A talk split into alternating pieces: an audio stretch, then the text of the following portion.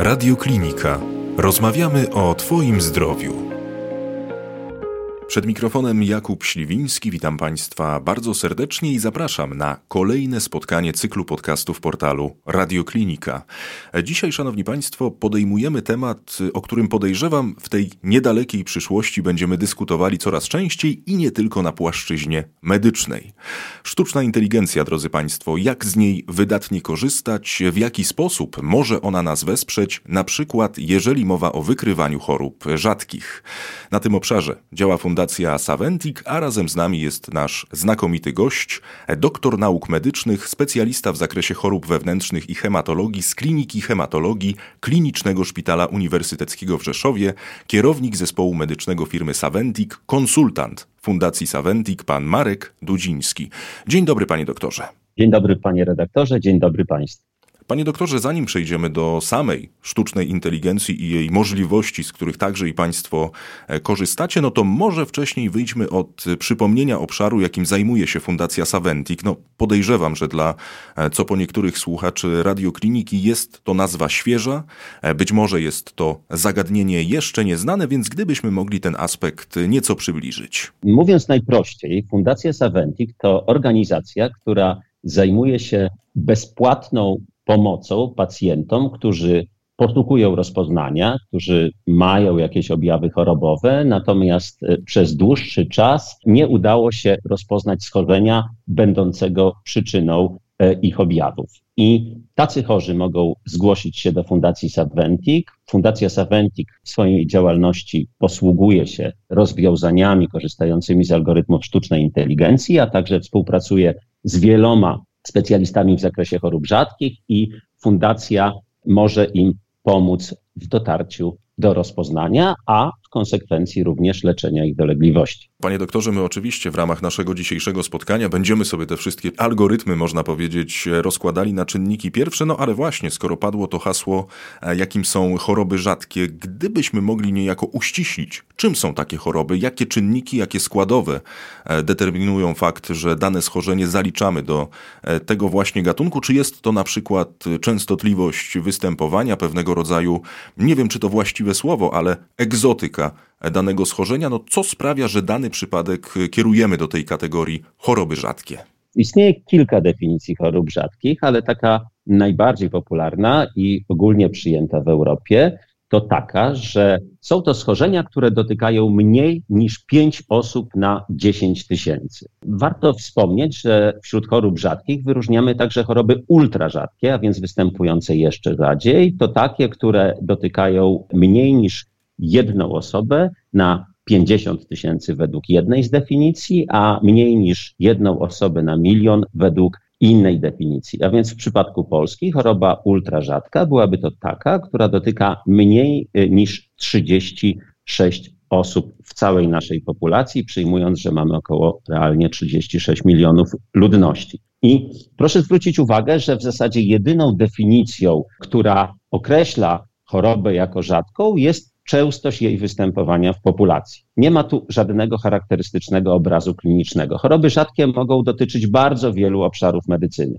Mogą to być na przykład choroby metaboliczne wynikające z nieprawidłowego działania jakiegoś enzymu, niektóre schorzenia hematologiczne, w tym nowotworowe, takie jak rzadkie chłoniaki, czy wreszcie endokrynologiczne, ortopedyczne, jakiekolwiek. Warto wspomnieć, że jakkolwiek poszczególne choroby rzadkie dotykają niewielką liczbę ludzi, to tych chorób rzadkich jest bardzo dużo. Jak dotąd opisano ich około 7 tysięcy, więc mnożąc tą niewielką częstość występowania chorób rzadkich, a więc niewielką ilość pacjentów z każdą z nich przez tę liczbę 7 tysięcy, uzyskujemy bardzo dużą liczbę. W Polsce to jest około 2 miliony ludzi, a więc około 2 miliony ludzi może cierpieć na jakąś chorobę rzadką. W związku z tym, że nastręczają one dużych problemów diagnostycznych, przyjmuje się, że około jeden na osiem pacjentów jest diagnozowany. Większość chorób, chorych z chorobami rzadkimi ma jakieś dolegliwości, natomiast nie ma diagnozy, a co za tym idzie, nie ma potencjalnie skutecznego leczenia. Choroby rzadkie leczy się lekami ukierunkowanymi na ich leczenie. Takie leki nazywamy lekami sierocymi i takie terapie istnieją dla około 10% poznanych chorób rzadkich. No to rzeczywiście te liczby e, działają na wyobraźnię. Ja już w tym momencie oczywiście odsyłam także słuchaczy Radiokliniki do naszego poprzedniego spotkania z przedstawicielami Fundacji Saventik, gdzie między innymi omawialiśmy jedną z takich chorób, myślę tutaj o chorobie e, Goszera.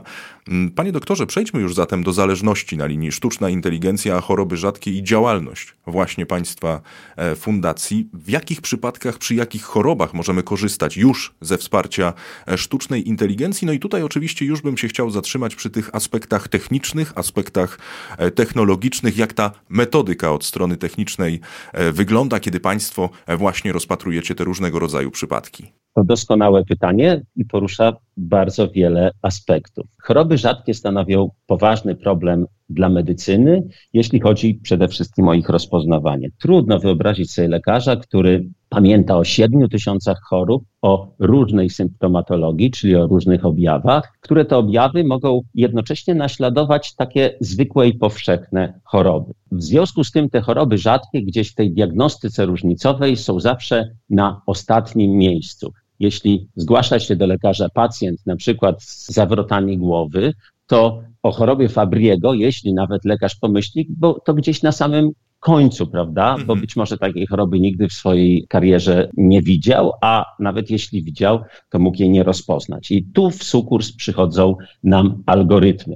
Ale nim powiem w jaki sposób, to zatrzymajmy się na chwilę nad tym, co to jest w ogóle sztuczna inteligencja i jak działa algorytm. Więc algorytmy sztucznej inteligencji mówiąc w dużym uproszczeniu, są tak zaprojektowane, aby naśladować ludzką zdolność do uczenia się, do rozumowania, wyciągania wniosków i podejmowania decyzji. Oczywiście funkcjonują w oparciu o komputery, ale nie są takim klasycznym, tak jak rozumiemy, programem komputerowym. Mhm. Program komputerowy tę, tę zasadę interpretowania rzeczywistości ma już w sobie zaszytą.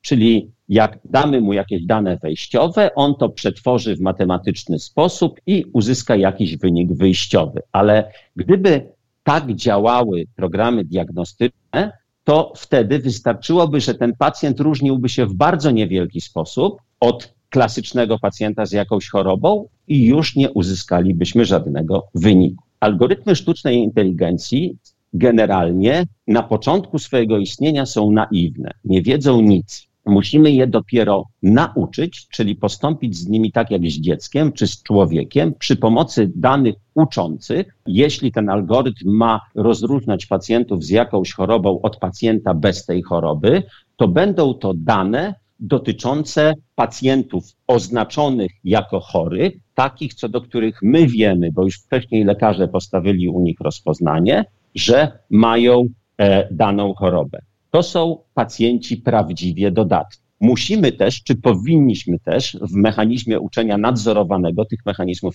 uczenia jest bardzo wiele, pokazać komputerowi takich pacjentów, od których ma on ich odróżniać. Czyli pokazać im grupę pacjentów zdrowych. Inaczej, takich, którzy nie mają tej choroby, czyli pacjentów true negative. Jeżeli pokażemy komputerowi odpowiednio dużą grupę pacjentów chorych, i dużą grupę pacjentów bez choroby, której on ma poszukiwać, możemy taki algorytm nauczyć rozróżniać, czyli klasyfikować pacjentów na takich, którzy są prawdopodobnie chorzy i takich, którzy są prawdopodobnie zdrowi. I tu ważna rzecz, mianowicie Państwo na pewno wyobrażacie sobie, czy większość z Państwa wyobraża sobie komputery jako narzędzia, które posługują się liczbami. I oczywiście co do zasady to jest prawda, ale je, tymi liczbami nie muszą być wcale wyniki badań laboratoryjnych.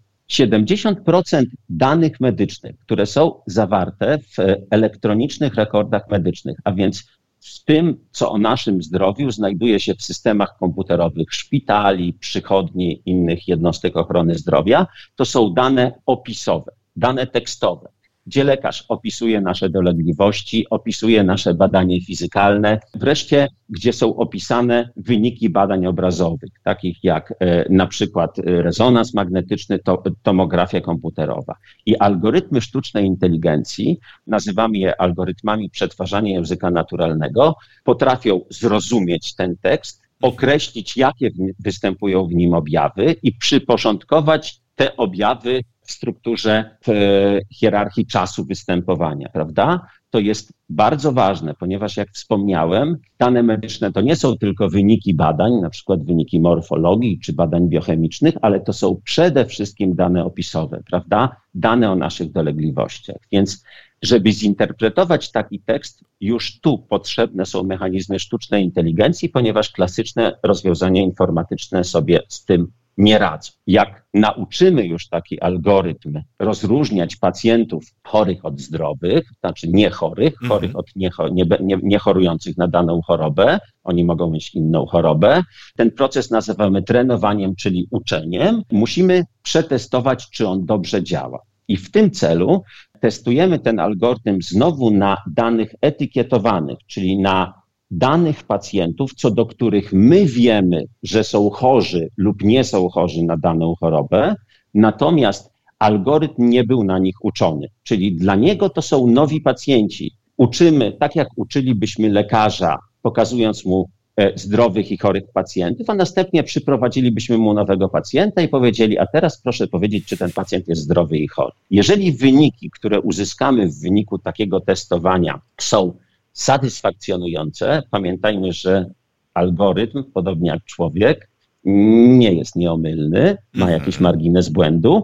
Wtedy możemy uznać, że jest on gotowy i wdrożyć go w jednostce ochrony zdrowia, na przykład, lub w fundacji, prawda? Oczywiście od strony technologicznej są przeróżne rodzaje algorytmów, począwszy od algorytmów regułowych, przez algorytmy uczenia maszynowego, wręcie, wreszcie głębokiego uczenia. Są to takie sztuczne sieci neuronowe. Mamy z nimi do czynienia na co dzień w zakresie choćby używania czata GPT. To ogromna sztuczna sieć neuronowa z 175 miliardami połączeń. To oczywiście wydaje się dużo, ale w porównaniu do ludzkiego mózgu jest to bardzo mało.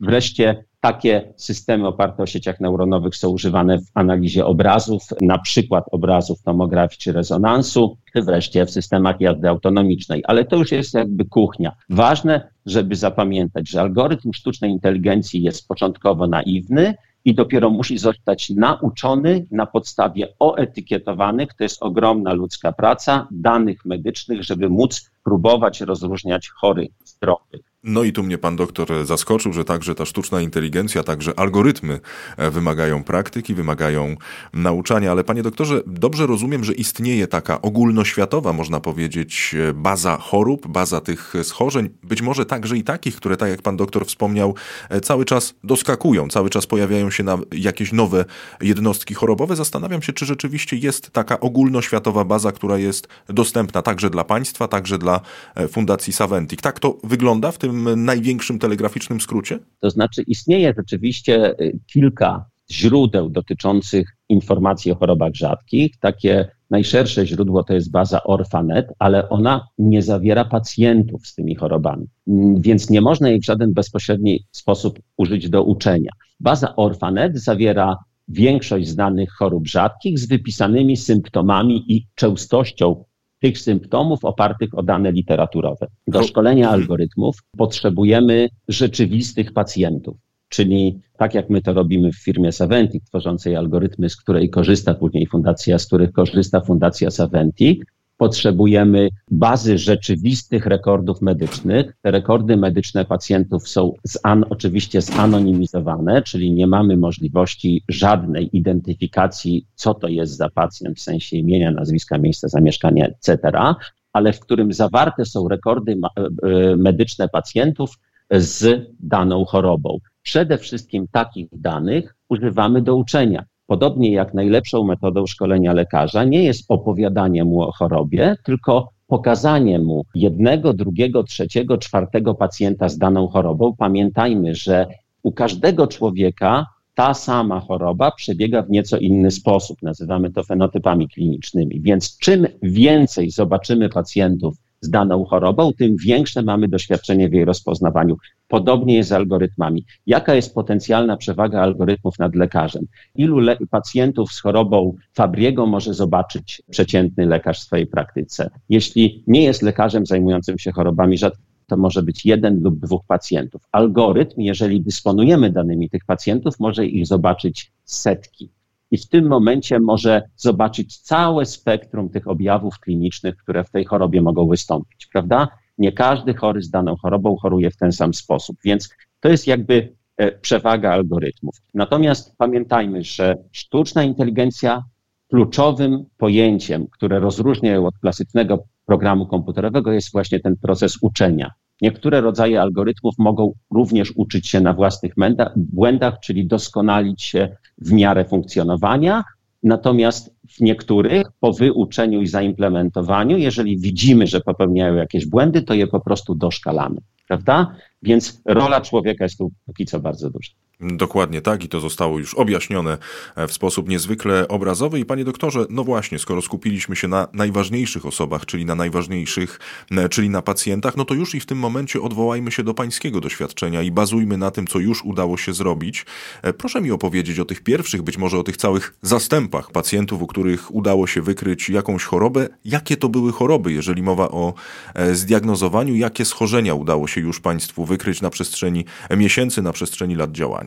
No ja nie podam Państwu konkretnych liczb, mogę, nie mam ich w tej chwili w głowie, natomiast mogę powiedzieć, że rzeczywiście e, nasze algorytmy, zarówno jak w fundacji, jak i zaimplementowane bezpośrednio w szpitalach, e, pozwoliły na ostateczne zdiagnozowanie wielu, to już jest kilkudziesięciu pacjentów z chorobami rzadkimi. Ale żeby to Państwu zobrazować, jak to działa, opowiem Państwu pewną historię. Na początku 2016 roku do Izby Przyjęć dużego szpitala zgłosił się czterdziestokilkuletni pacjent. Pacjent nie miał wcześniej żadnych przewlekłych, zgłaszał um, objawy z pogranicza laryngologii, neurologii, a więc oczopląs, zawroty głowy, szumy uszne. Przeprowadzono wnikliwą diagnostykę. Pacjent miał m.in. badanie rezonansu magnetycznego głowy. Tam stwierdzono bardzo niewielką zmianę ogniskową, która mogła sugerować jakieś ognisko niedokrwienne. U pacjenta zastosowano leczenie objawowe, dolegliwości ustąpiły, poszedł do domu. Ale w trakcie tej krótkiej hospitalizacji zlecono również konsultację kardiologiczną i badanie echo serca i tu znowu stwierdzono niewielki przerost serca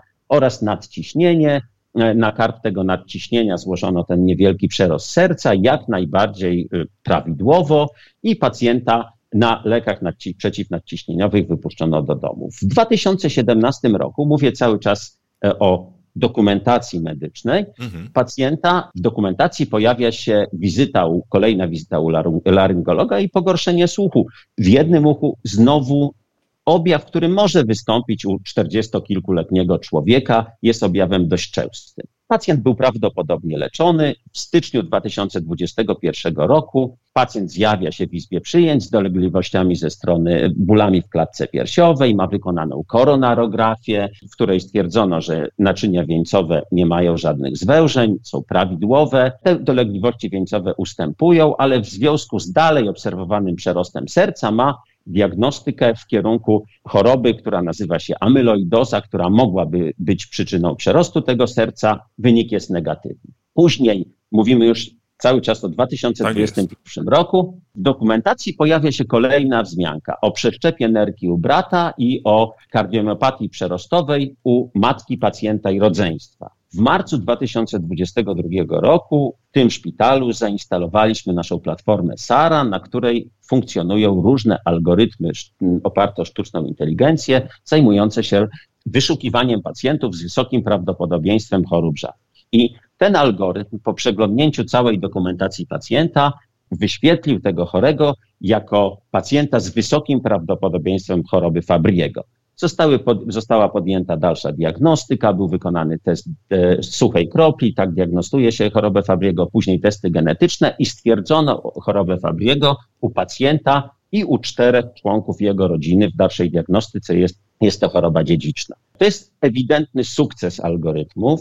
I nie jest to absolutnie żadna porażka lekarzy. Pacjent miał bardzo dużo diagnostyki. Po prostu choroba Fabriego jest chorobą niezwykle rzadką i w tej diagnostyce różnicowej myślimy o niej na samym końcu. Ale uruchomiliśmy ten algorytm retrospektywnie i okazało się, że bazując na tych symptomach, które były w dokumentacji pacjenta i wynikach badań już w 2016 roku, a więc podczas drugiej hospitalizacji, algorytm oflagowałby tego pacjenta, zaznaczyłby go jako pacjenta, u którego należy przeprowadzić diagnostykę w kierunku choroby Fabriego. Pamiętajmy, algorytmy nie stawiają diagnoz. Algorytmy pokazują tylko chorych, nazywamy to flagowaniem czy znakowaniem, pokazują tylko chorych, u których jest wysokie prawdopodobieństwo danego schorzenia. Ono wcale nie musi się potwierdzić. Jest to ewidentny sukces, który pokazuje, że gdyby takie algorytmy działały w jednostkach opieki zdrowotnej, to być może część pacjentów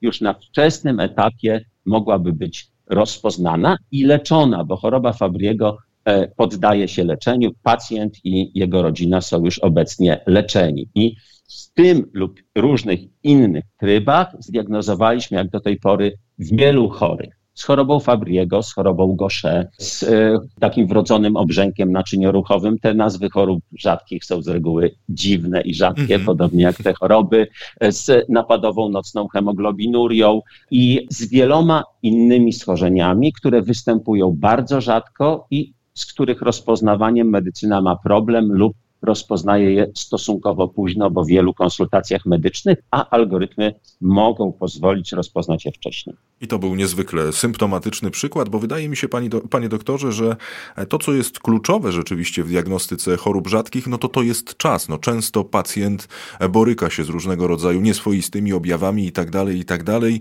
Ucieka od jednego do lekarza, do drugiego, szuka rozwiązania, a rzeczywiście to rozwiązanie nie przybywa. I gdybyśmy już mogli właśnie płynnie przejść do działania wirtualnej przychodni e, Fundacji Saventic, nawet i być może dla słuchaczy radiokliniki, którzy w tym momencie zastanawiają się nad tym, gdzie należy się zgłosić, jak to wszystko wygląda krok po kroku, także i od strony e, technicznej, jak wygląda działanie e, państwa wirtualnej przychodni.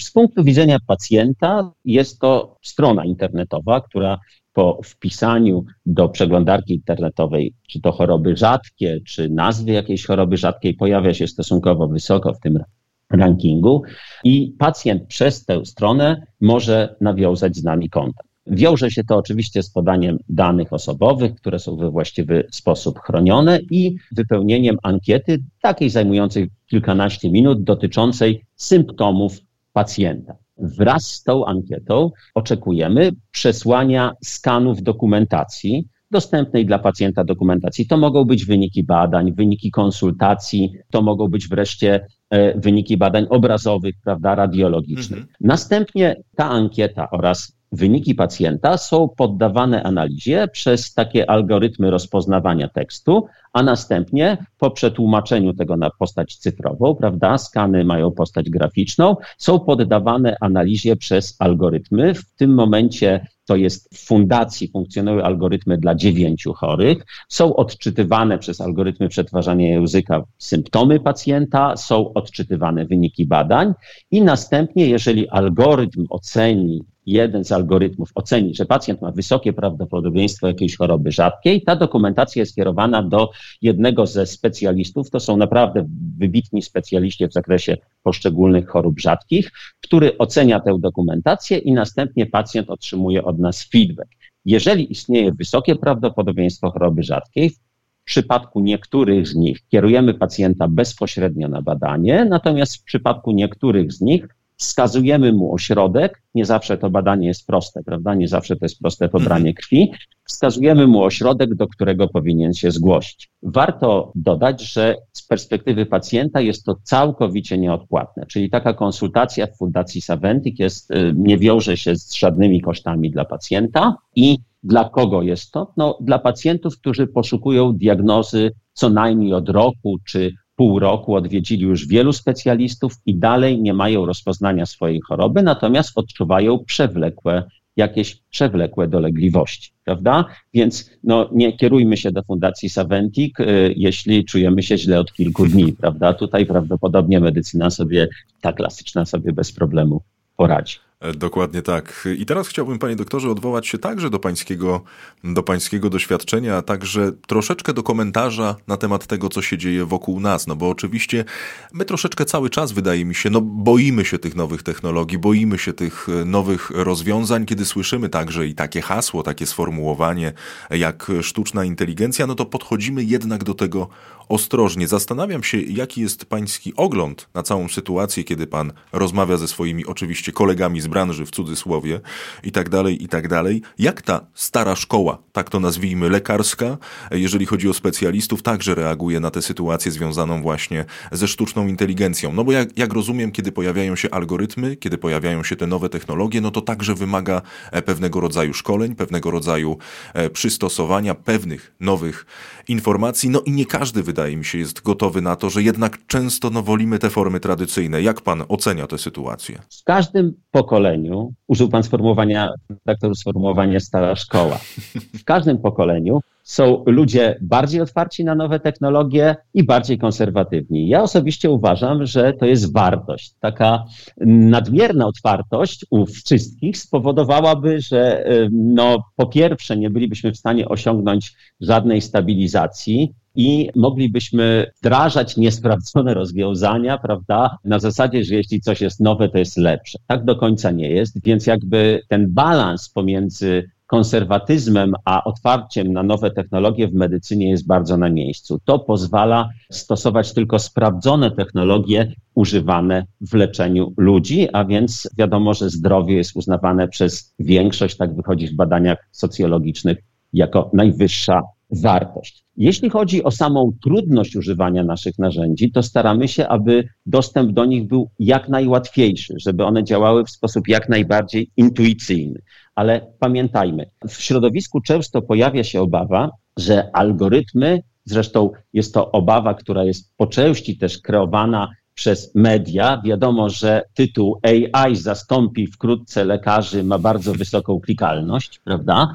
W internecie, czy miałby bardzo wysoką klikalność. Pamiętajmy, że narzędzia sztucznej inteligencji to tylko narzędzia. Sztuczna inteligencja obecnie nie zastępuje lekarzy, nie ma też takiej ambicji wśród ludzi, którzy kreują takie rozwiązania, przynajmniej krótkookresowo, ma ich tylko wspierać. Ktoś powiedział, że sztuczna inteligencja nie zastąpi lekarzy, ale lekarz stosujący rozwiązania sztucznej inteligencji będzie lepszym lekarzem niż taki lekarz, który ich nie stosuje. Prawda? To po pierwsze. Ostatecznie pamiętajmy, że ta decyzja należy do lekarza, czyli sztuczna inteligencja podpowiada, natomiast decyzję o po pierwsze podjęciu jakiejś diagnostyki, zwłaszcza inwazyjnej, a po drugie o postawieniu rozpoznania wciąż podejmuje lekarz. To wiąże się oczywiście też z odpowiedzialnością, prawda, za tę decyzję, także odpowiedzialnością prawną. Prawdopodobnie jest tak, że kolejne pokolenia lekarzy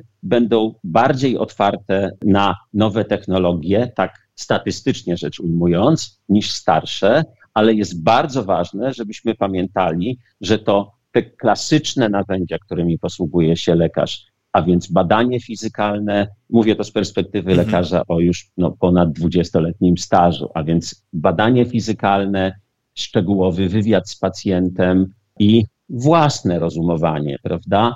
Powinniśmy je zachować. Nie zdawajmy się tylko i wyłącznie na te nowe rozwiązania, tylko starajmy się łączyć je z tą klasyczną ludzką medycyną, prawda? Więc jak mówię, to się wszystko dzieje ewolucyjnie. Należy tak tworzyć te rozwiązania stosujące sztuczną inteligencję, żeby one od strony użytkownika, więc lekarza, nie wymagały po pierwsze wiedzy technicznej, mhm. prawda? A żeby ten user experience, czyli to doświadczenie użytkownika tych rozwiązań było dobre, żeby one działały intuicyjnie i żeby przede wszystkim oszczędzały czas lekarza. Lekarze w Polsce, ale nie tylko w Polsce, mają zbyt mało czasu na pacjentów między innymi z uwagi na rozbudowane te wymogi takie administracyjne, prawda?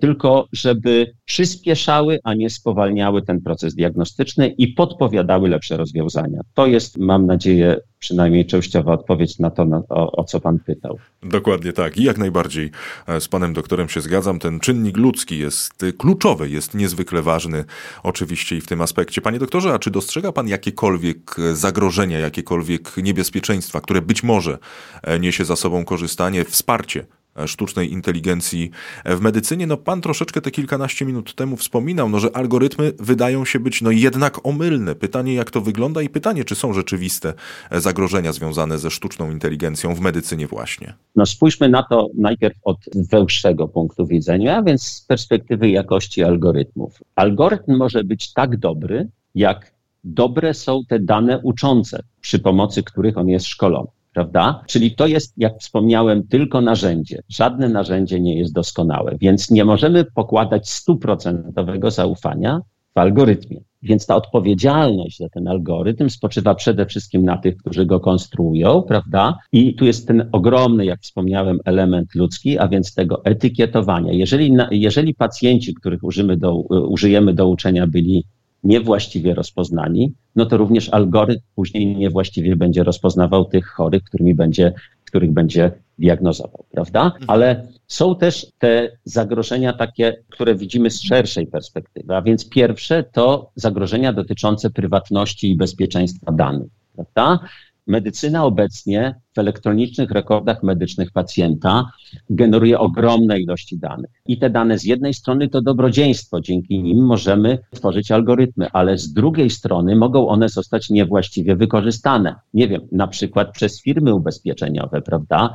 Albo mogą zostać użyte do innych celów, e, które nie działają na, do, na, na, na korzyść pacjenta. Drugie zagrożenie to jest zagrożenie związane z odpowiedzialnością, prawda? Dlatego też ostatecznie to człowiek odpowiada za postawioną diagnozę, to lekarz odpowiada za postawioną diagnozę. I tłumaczenie, że postawiłem błędną diagnozę, bo źle podpowiedział mi algorytm, w obecnym systemie prawnym, prawda, mhm. nie, nie jest właściwe. Wreszcie rozwiązania AI-owe, ich konstruowanie, ich rozwój e, jest stosunkowo drogi, wobec czego takim zagrożeniem z punktu widzenia ogółu pacjentów jest zwiększenie nierównego dostępu do technologii, prawda, że część pacjentów tych zamożniejszych, zwłaszcza w niektórych systemach finansowania opieki zdrowotnej, powiedzmy, mniej solidarystycznych, a bardziej liberalnych. Część pacjentów będzie miała jeszcze lepszy dostęp do opieki zdrowotnej,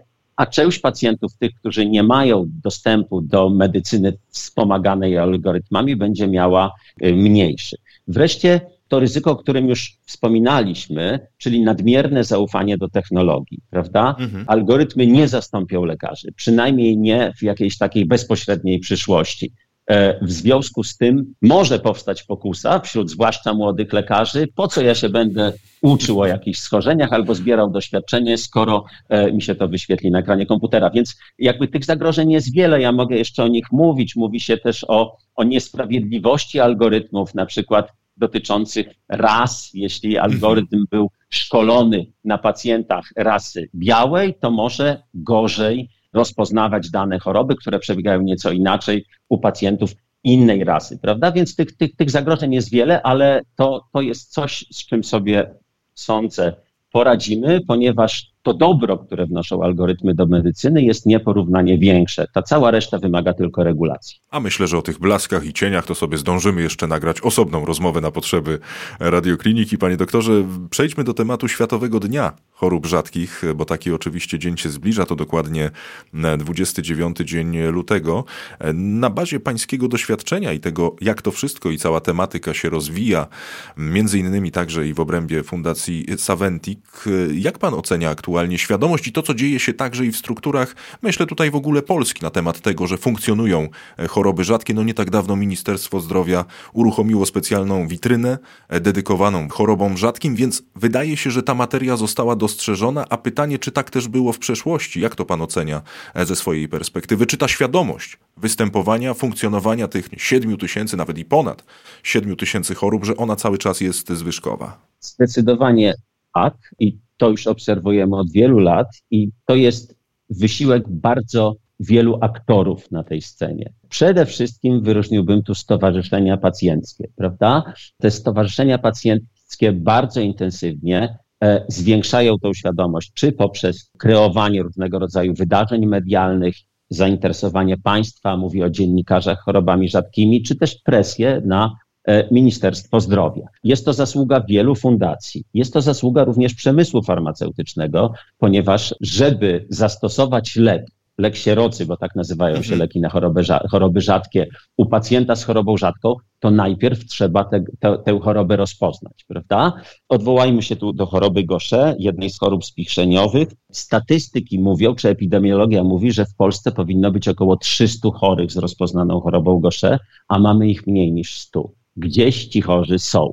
Więc w interesie firm farmaceutycznych, oprócz tego, że ich oczywiście misją jest to, żeby zwiększać świadomość danej choroby, jest to, żeby po prostu zwiększyć rozpoznawalność tej choroby. Wreszcie środowisko medyczne poczyniło ogromne kroki, jeśli chodzi o zwiększenie świadomości poprzez, wśród lekarzy, poprzez organizację różnego rodzaju e, kongresów, konferencji poświęconych tylko i wyłącznie chorobom rzadkim. Myślę, że również firmy zajmujące się sztuczną inteligencją, dla sztucznej inteligencji, jak już wcześniej sobie powiedzieliśmy, choroby rzadkie to jest dość wdzięczny temat, również te firmy zwiększają świadomość chorób rzadkich, między innymi wśród lekarzy poprzez instalację rozwiązań. Mogę powiedzieć, że implementując różnego rodzaju rozwiązania w zakresie chorób rzadkich w szpitalach, obserwuję pewnego rodzaju wyścig lekarzy, gdzie te rozwiązania są z algorytmami. E, świadomość tej choroby rośnie i nagle ambicją lekarzy jest wykrycie choroby wcześniej niż algorytm, ponieważ no, wierzymy, że wciąż nasz mózg, który też jest pewnego rodzaju algorytmem i też jest pewnego rodzaju dużym modelem językowym, jest wciąż sprawniejszy od tych w cudzysłowie cyfrowych rozwiązań. Więc ta świadomość zdecydowanie rośnie, ale wciąż jest zbyt niska i absolutnie nie chciałbym tu zniechęcać tych wszystkich aktorów, o których wspomniałem, do działania na tej scenie. Tak? To jakby y, idźmy te, tą drogą. O, dokładnie, tak. dokładnie tak. Niech decydenci e, działają i tak dalej, i tak dalej. Panie doktorze, ale to również często jest obrazowe, kiedy my sobie zestawiamy nasz kraj na tle innych krajów europejskich. Myślę tutaj zarówno o świadomości na temat chorób rzadkich, jak i o samym zakresie korzystania ze sztucznej inteligencji. Jak Polska plasuje się pod względem tych dwóch aspektów na tej arenie europejskiej? Czy my jesteśmy daleko w tyle, czy może jednak jesteśmy po środku stawki? Jesteśmy po środku stawki, jeśli nie na czele stawki. Tak mi się wow. wydaje.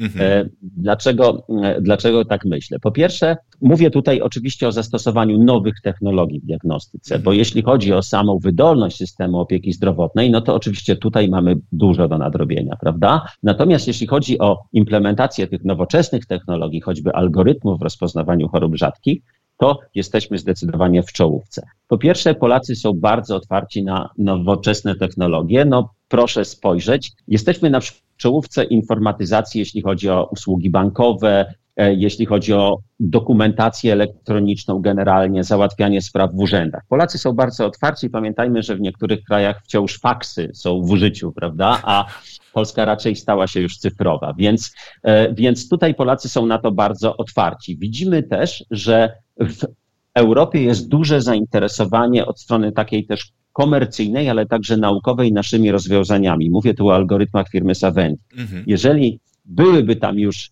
zaimplementowane jakieś algorytmy, prawda, e, byłyby firmy, które mają e, rozwinięte te algorytmy, no to prawdopodobnie nikt nie interesowałby się naszymi, bo mieliby już swoje. Więc Myślę, że jeśli chodzi o otwartość na nowoczesne technologie w szeroko pojętej diagnostyce chorób rzadkich, to w Polsce jesteśmy w czołówce, także jeśli chodzi o implementację tych technologii. Natomiast no, jeśli chodzi o organizację systemu, to y, idziemy w dobrą stronę, ale mamy jeszcze sporo do nadrobienia. Tak? No, więcej chorób z chorobami rzadkimi na tak populacyjnie jest więcej chorych jest rozpoznanych w krajach zachodnich niż w Polsce.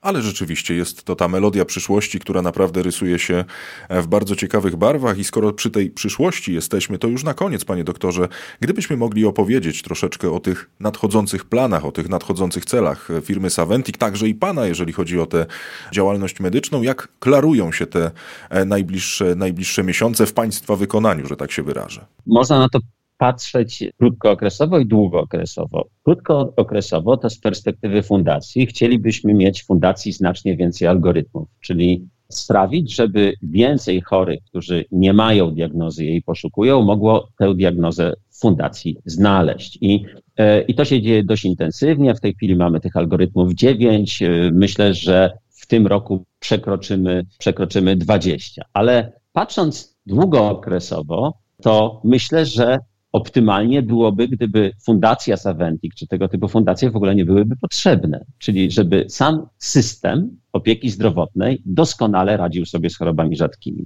I tutaj jest ta, ta druga część rozwiązania, czyli implementacja algorytmów sztucznej inteligencji, modeli sztucznej inteligencji w, w każdym szpitalu, w każdej jednostce, tak, żeby te algorytmy miały dostęp po pierwsze do dokumentacji wszystkich chorych w Polsce, bo w ten sposób chorzy z chorobami rzadkimi, chorzy z wysokim prawdopodobieństwem chorób rzadkich mogliby być przez te algorytmy wyławiani na bardzo wczesnym etapie, kiedy jeszcze choroba nie jest zaawansowana, kiedy leczenie jest najskuteczniejsze i mogliby po oczywiście przeprowadzeniu pełnej diagnostyki i decyzji lekarza być włączeni do leczenia. Także patrząc na to hasłowo, to po pierwsze więcej algorytmów fundacji, a po drugie algorytmy w każdym szpitalu, POZ przychodni. To oczywiście jest e, trudne do zrealizowania, ale to się dzieje. Podstawowym wymogiem, żeby algorytmy mogły działać, jest dobra dokumentacja medyczna w formie elektronicznej. I tu obserwujemy ogromny postęp. Jeszcze 5-6 lat temu duża część badań była poza systemem, a więc one gdzieś sobie tam leżały w kartotece, ale nie były dostępne do analizy przez algorytmy, a w tej chwili praktycznie cała dokumentacja medyczna pacjentów jest już, nazwijmy to w cudzysłowie, systemie. W Polsce pewnym problemem jest rozdrobnienie e, tych rozwiązań Nie ma żadnego centralnego systemu dokumentacji medycznej. Każdy szpital może stosować różne rozwiązania informatyczne, różne struktury bazy danych, ale to są problemy techniczne, z nimi jesteśmy, z nimi jesteśmy sobie w stanie, e, w stanie poradzić. I wreszcie ostatnia rzecz, która jest potrzebna, aby sztuczna inteligencja się rozpowszechniła i dobrze działała, to są mądre regulacje. Sztuczna inteligencja jest takim tematem e, dość intensywnie eksploatowanym na różnych polach w mediach, prawda? I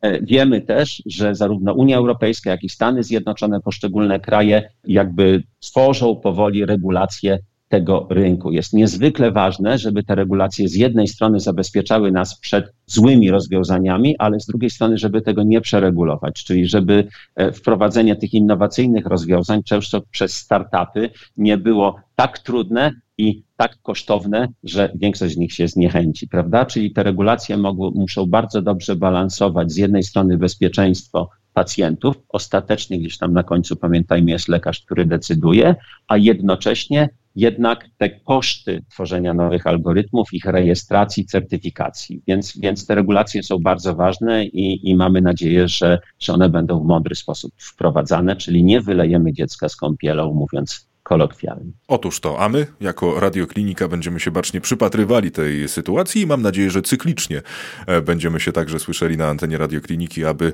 e, donosić, mówiąc kolokwialnie Państwu o tych postępach e, w zakresie sztucznej inteligencji, oczywiście w połączeniu z medycyną. Doktor nauk medycznych, specjalista w zakresie chorób wewnętrznych i hematologii z Kliniki Hematologii Klinicznego Szpitala Uniwersyteckiego w Rzeszowie, kierownik zespołu medycznego firmy Saventic, konsultant Fundacji Saventic, pan dr Marek Dudziński, gościem Radiokliniki. Panie doktorze, ogromna przyjemność, bardzo serdecznie dziękuję. Dziękuję za rozmowę, to było również dla mnie bardzo miłe. Więcej audycji na stronie radioklinika.pl i w naszej aplikacji mobilnej.